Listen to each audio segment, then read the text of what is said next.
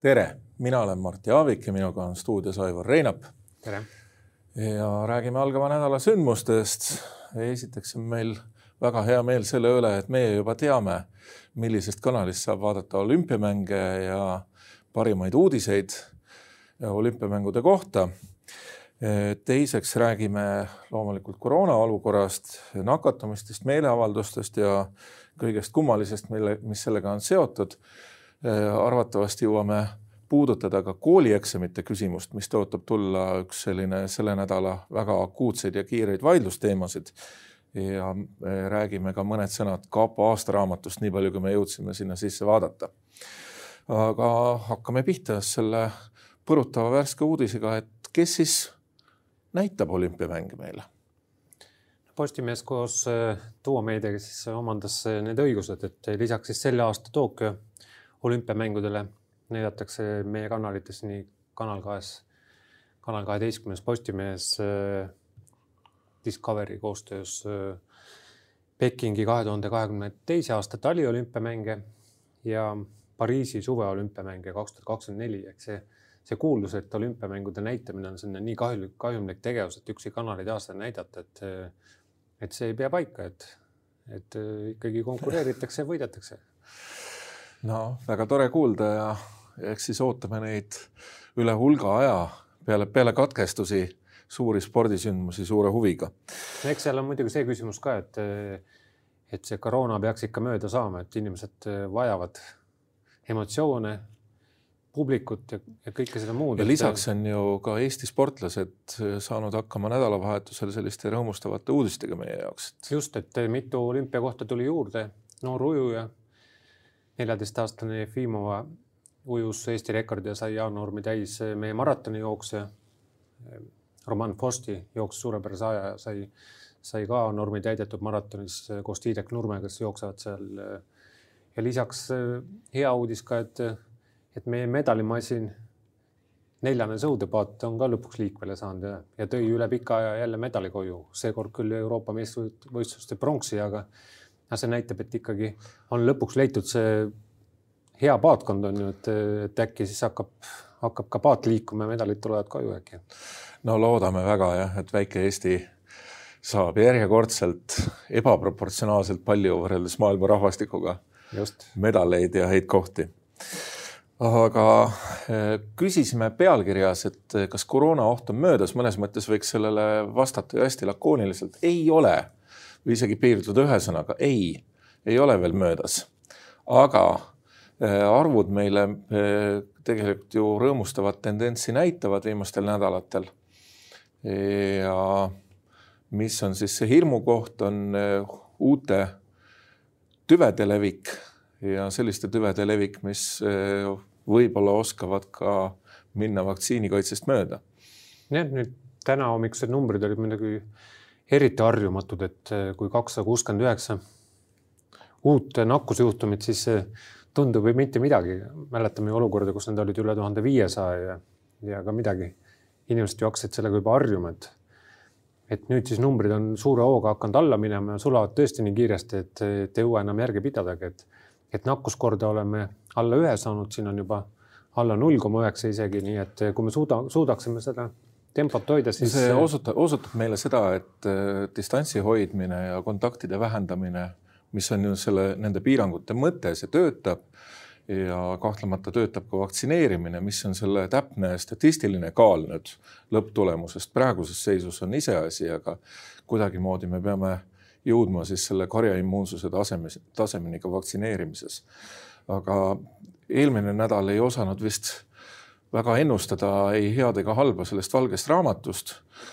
mis, mida siis peaminister neljapäeval või mis päeval ta seda esitleski aga iseenesest mõtteviis on õige, et lisaks distantsi hoidmisele peaks tulema juurde veel teisi eh, kavalamaid asju, aga see valge raamat meile neid väga palju ei pakkunud. Ja ega ei ole näha seda, et ventilatsioonide ja muude teemadega väga jõuliselt tegeletaks. nojah, see midagi juurde väga ei andnud siia nii-öelda koroonavõitlusse, et pigem ikkagi jälgime neid suuri numbreid on ju, et kui palju on inimesi haiglates on, kui palju on surnud, kui palju on intensiivravis olevaid inimesi, et et täna just Urmas Sule Haiglate Liiduga seotud inimene, siis Haiglate Liidu juht just andis teada, et, et intensiivis ja, ja raskes olukorras olevate inimeste arv on ikkagi veel tipus ja, ja surnuid tuleb ka ikkagi oluliselt juurde, et, et seetõttu ei ole veel haiglate mõttes veel midagi lahenenud, kuigi, kuigi noh, haiglates olevate inimeste üldarv on ikkagi nüüd kukkunud juba alla kuuesaja, et siin mõni, mõningatel hetkedel oli ka üle seitsmesaja, et. jah, lihtsalt proportsioonitaju jaoks ütlen, et ka see alla kuuesaja on ju tohutu arv võrreldes Eh, sellega, mille, millises olukorras me veel mõni kuu tagasi olime, rääkimata siis eelmisest sügisest. Et seda on ikkagi väga palju, nii et tuleb tegelikult sisuliselt tuleb tõsiselt võtta eh, kõiki neid soovitusi, mis meile on üldiselt antud, et. kuigi ma usun, et eh, ikkagi suhteliselt, kui need numbrid nüüd sama kiiresti edasi kahanevad ja miks ei peaks ka kahanema, et, et hakkab tulema kindlasti suur surve, et, et hakata erinevaid asutusi lahti tegema, et, et ma olen kindel, et see nädal juba kuuleme siin, et, et miks ei võiks aianduspoed lahti olla, miks ei võiks olla näiteks söögikohad lahti ja millal ikkagi koolid võiks ikkagi avada, et kui olukord hakkab ikkagi teatud valdades on juba väga kiiresti paranenud, et, et ega need, need sõlm, sõlmkohad, kus on kõrgem nakatumine, need on ju teada, et, et siin Tallinna ümbruses näiteks siin Lasnamäe, Haabersti, Mustamäe, Maardu, noh, Lääne-Harju vallas, Kehtna vallas, et seal on nüüd veel kõrged mhm. näitajad, aga aga teatud valdades on juba suhteliselt madalad. no eh, sisuline kriteerium on ikkagi see, et eh, nakkus, teadmata päritolu nakkuskoldeid ei ole, et eh, kõigi nakatunutega suudetakse eraldi tegeleda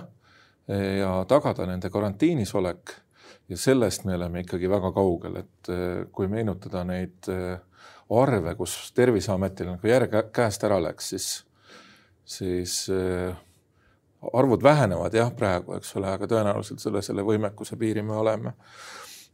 Ja ma ütleks ühe kommentaari või märkuse veel juurde, et kuna liigume edasi selle meeleavalduste teema juurde, et nagu hästi sagedasti kohtame seda, et ühes või teises kohas konkreetselt, vot seal nüüd küll midagi ei juhtu ja mingisugust nakkust ei levi. Või et äh, ei ole mõtet äh, näiteks maske kanda, et maskide mõju on väike või Eh, kes otsivad välja kõikvõimalikke eh, siis suhteliselt hõredaid tõendusi, et see ei aita midagi. et vot see üld, üldloogika on tegelikult vale, sellepärast et meile on algusest peale, tegelikult eelmisest aastast peale selge, et sellist ühte võluvitsa ei ole, et teed ühte asja ja siis saab kõik korda. tegelikult loevad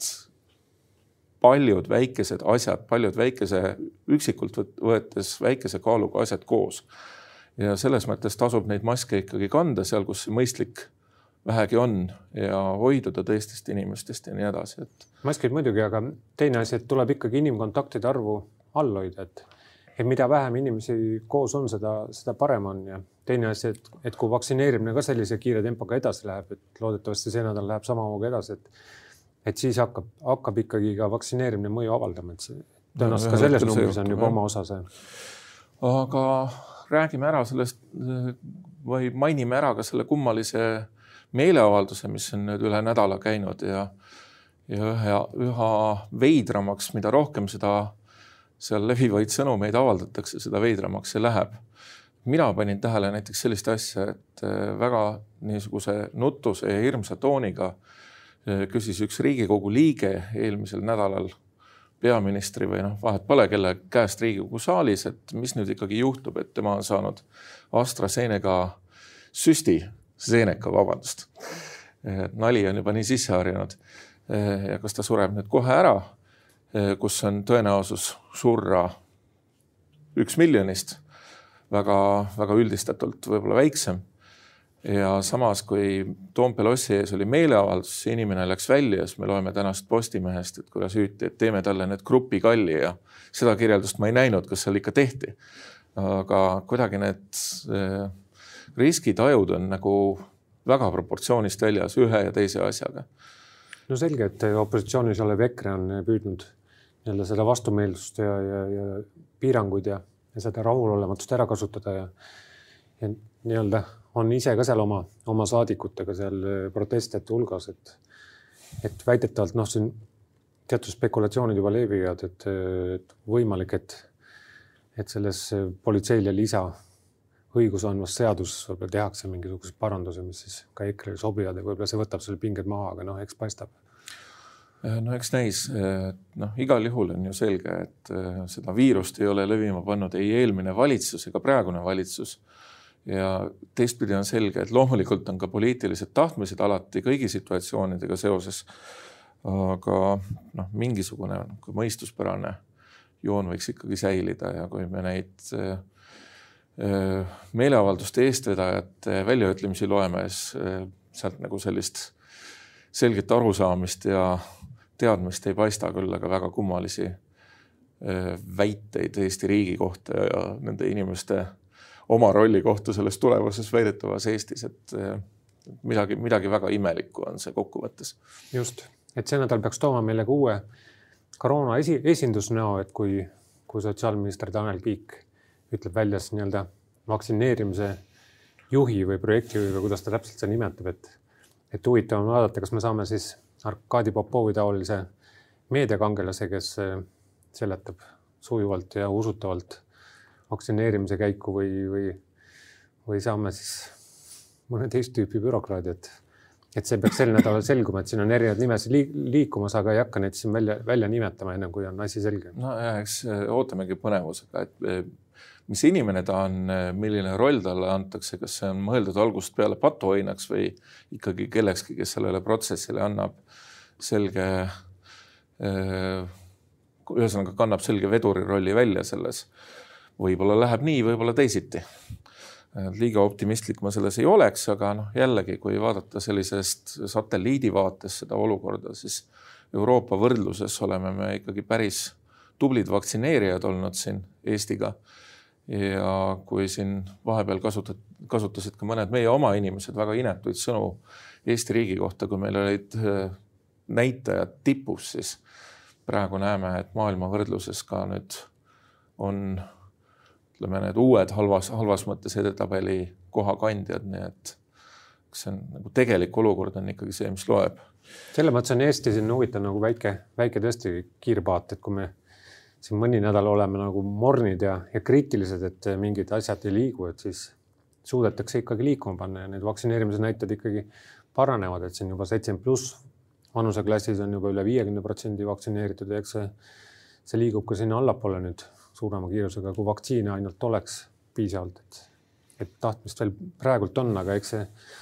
on huvitav teemas, et kus see piir ette tuleb, kus inimesed, et kui, kui suur protsent, protsent inimest siis nagu vaktsineerida ei, ei taha. no loodame jah, et ei jää kuskil mõni spetsiifilise nimega või spetsiifilise kaubamärgiga vaktsiin näiteks seisma või midagi sellist, et, et lõpuks on need turul olevad vaktsiinid ikkagi kõik efektiivsed ja aitavad meid sellest äh, kriisist välja. aga üks teema on äh, äh, vaidlusteema endiselt, et kas siis koolieksamid peaksid olema mingil moel vabatahtlikud lõpueksamid, omama kaalu kooli lõpetamisel või, või mitte, et kas peaks minema edasi samal viisil nagu eelmisel aastal ja see on üks väga raske dilemma tegelikult. ega seal ei ole häid valikuid, et ühest küljest on selge, et et on keerulisemad aastad olnud, et äh, pole võrdne, eriti kui, kui me saame nüüd need lõpuhinded ja ja peame võrdlema ennast varasemate aastatega ja, ja need on määravad ka ülikoolidesse sissesaamisel, et siis kahtlemata võib tekkida probleeme, et ülikoolid eks siis mõtlevad ka, kuidas, kuidas seda, seda probleemi lahendada, et, et need aastad nüüd tõesti maakandmisele läheks, et. jah, no üks pool on see, et iseasi, kas nagu nõustuda nende väheste või, või lünklike andmete pealt, et äh, on tõesti olukord kuidagi katastroofiline inimeste peades või ei ole, ma pigem kaldun sinnapoole, et äh, pigem kaldun oletama, et, et need erinevused ei ole nii suured või dramaatiliselt suured võrreldes varasemate aastate tegeliku olukorraga. Äh, aga paneme siia juurde, et ega meil ka mõõtmisandmeid ei ole varasematest aastatest ja ka need, mida nüüd argumendina kasutatakse, on ju noh, tegelikult need mõõtmisvahendid vaimse tervise kohta on mõeldud hoopis teisteks asjadeks, et et meil ei ole lihtsalt väga selget pilti sellest, mis toimub inimeste peades ja nende vaimse tervisega. loodetavasti see selgub, aga teine pool on see, et äh, riigieksamid ikkagi mõjutavad noorte inimeste eluvalikuid, nende võimalusi ja ma arvan, et see on mõnes mõttes arusaadav, aga mina tahaks inim, ka neid noori inimesi, kui mõni on kuulamas, julgustada, et et ka aasta pärast uuesti teha neid riigieksameid on siiski võimalik, kui asi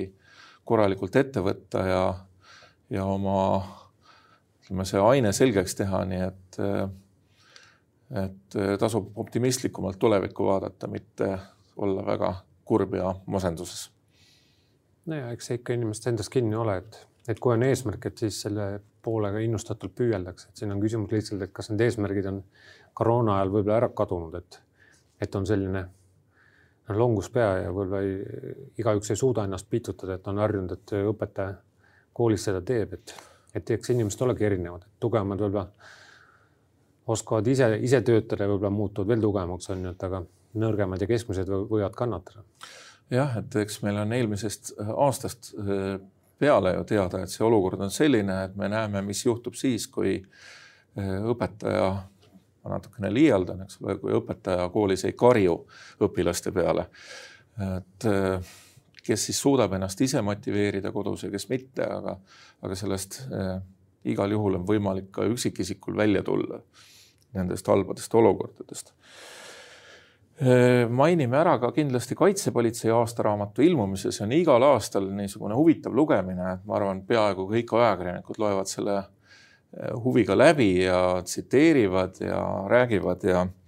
võib-olla kommenteerimist vajaks üks see asjaolu, et et kaitsepolitsei peadirektor Sinisalu alustas oma juttu sellest, et peamine oht lähtub ikkagi meil Venemaalt, aga ajakirjandusloogika on natukene teine, et eh, tuuakse esile seda, mis eristub varasemast foonist. ja kaalusimegi, et kas panna küsimuseks, pealkirjaks täna see, et kas Hiina on ohtlikum kui Venemaa. eks ta natuke naljakas ole, et kui vaadata ka uudisteportaalide esikülgi, et seal esimesena tulid pigem üles uudised sellest, et, et veel üks eestlane on Hiina kasuks luura, luuramisega vahele jäänud ja nii-öelda menetluses samas kui Venemaa kohta nagu polnud ühtegi pealkirjaga uudist, aga kui, kui vähegi keegi Postimehe esiküljelt ka selle kaitsepolitsei aastaraamatu üles, üles leiab või otsib, et siis kahtlemata mahuliselt on, on Venemaa, Venemaa luure ja mõjutustegevuse peale ikkagi oluliselt palju tähelepanu pööratud ja ka see kogu see esimene osa ja, ja noh, ütleme kogu foon on ikka nagu Venemaa peal, et, et kuigi nüüd koroonapiirangud on seda füüsilist kontakte ja, ja luuramist võib-olla nagu vähendanud neid ohte ka, et siis seda enam on, on veebis see asi aktiivsemaks muutunud, nii et. nojah, üldine vastus on see, et äh, Hiina on globaalselt kindlasti tugevam kui Venemaa oma majandusliku võimsuse ja tõenäoliselt siis ka järelmite poolest ehk siis luurevõimekus ja muu, aga aga Eestit konkreetselt oma asukohas ikkagi puudutab Venemaa küsimus palju rohkem, kogu mõjutustegevus ja ja luure ja kõik mis veel me sealt huvitavat sellest kapo aastaraamatust loeme.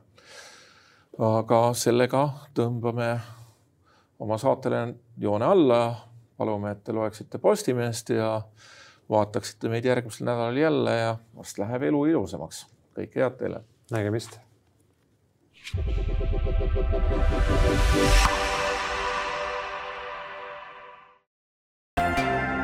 Kogu saade on kuulatav Postimehe digipaketi tellijatele veebilehel podcast.postimees.ee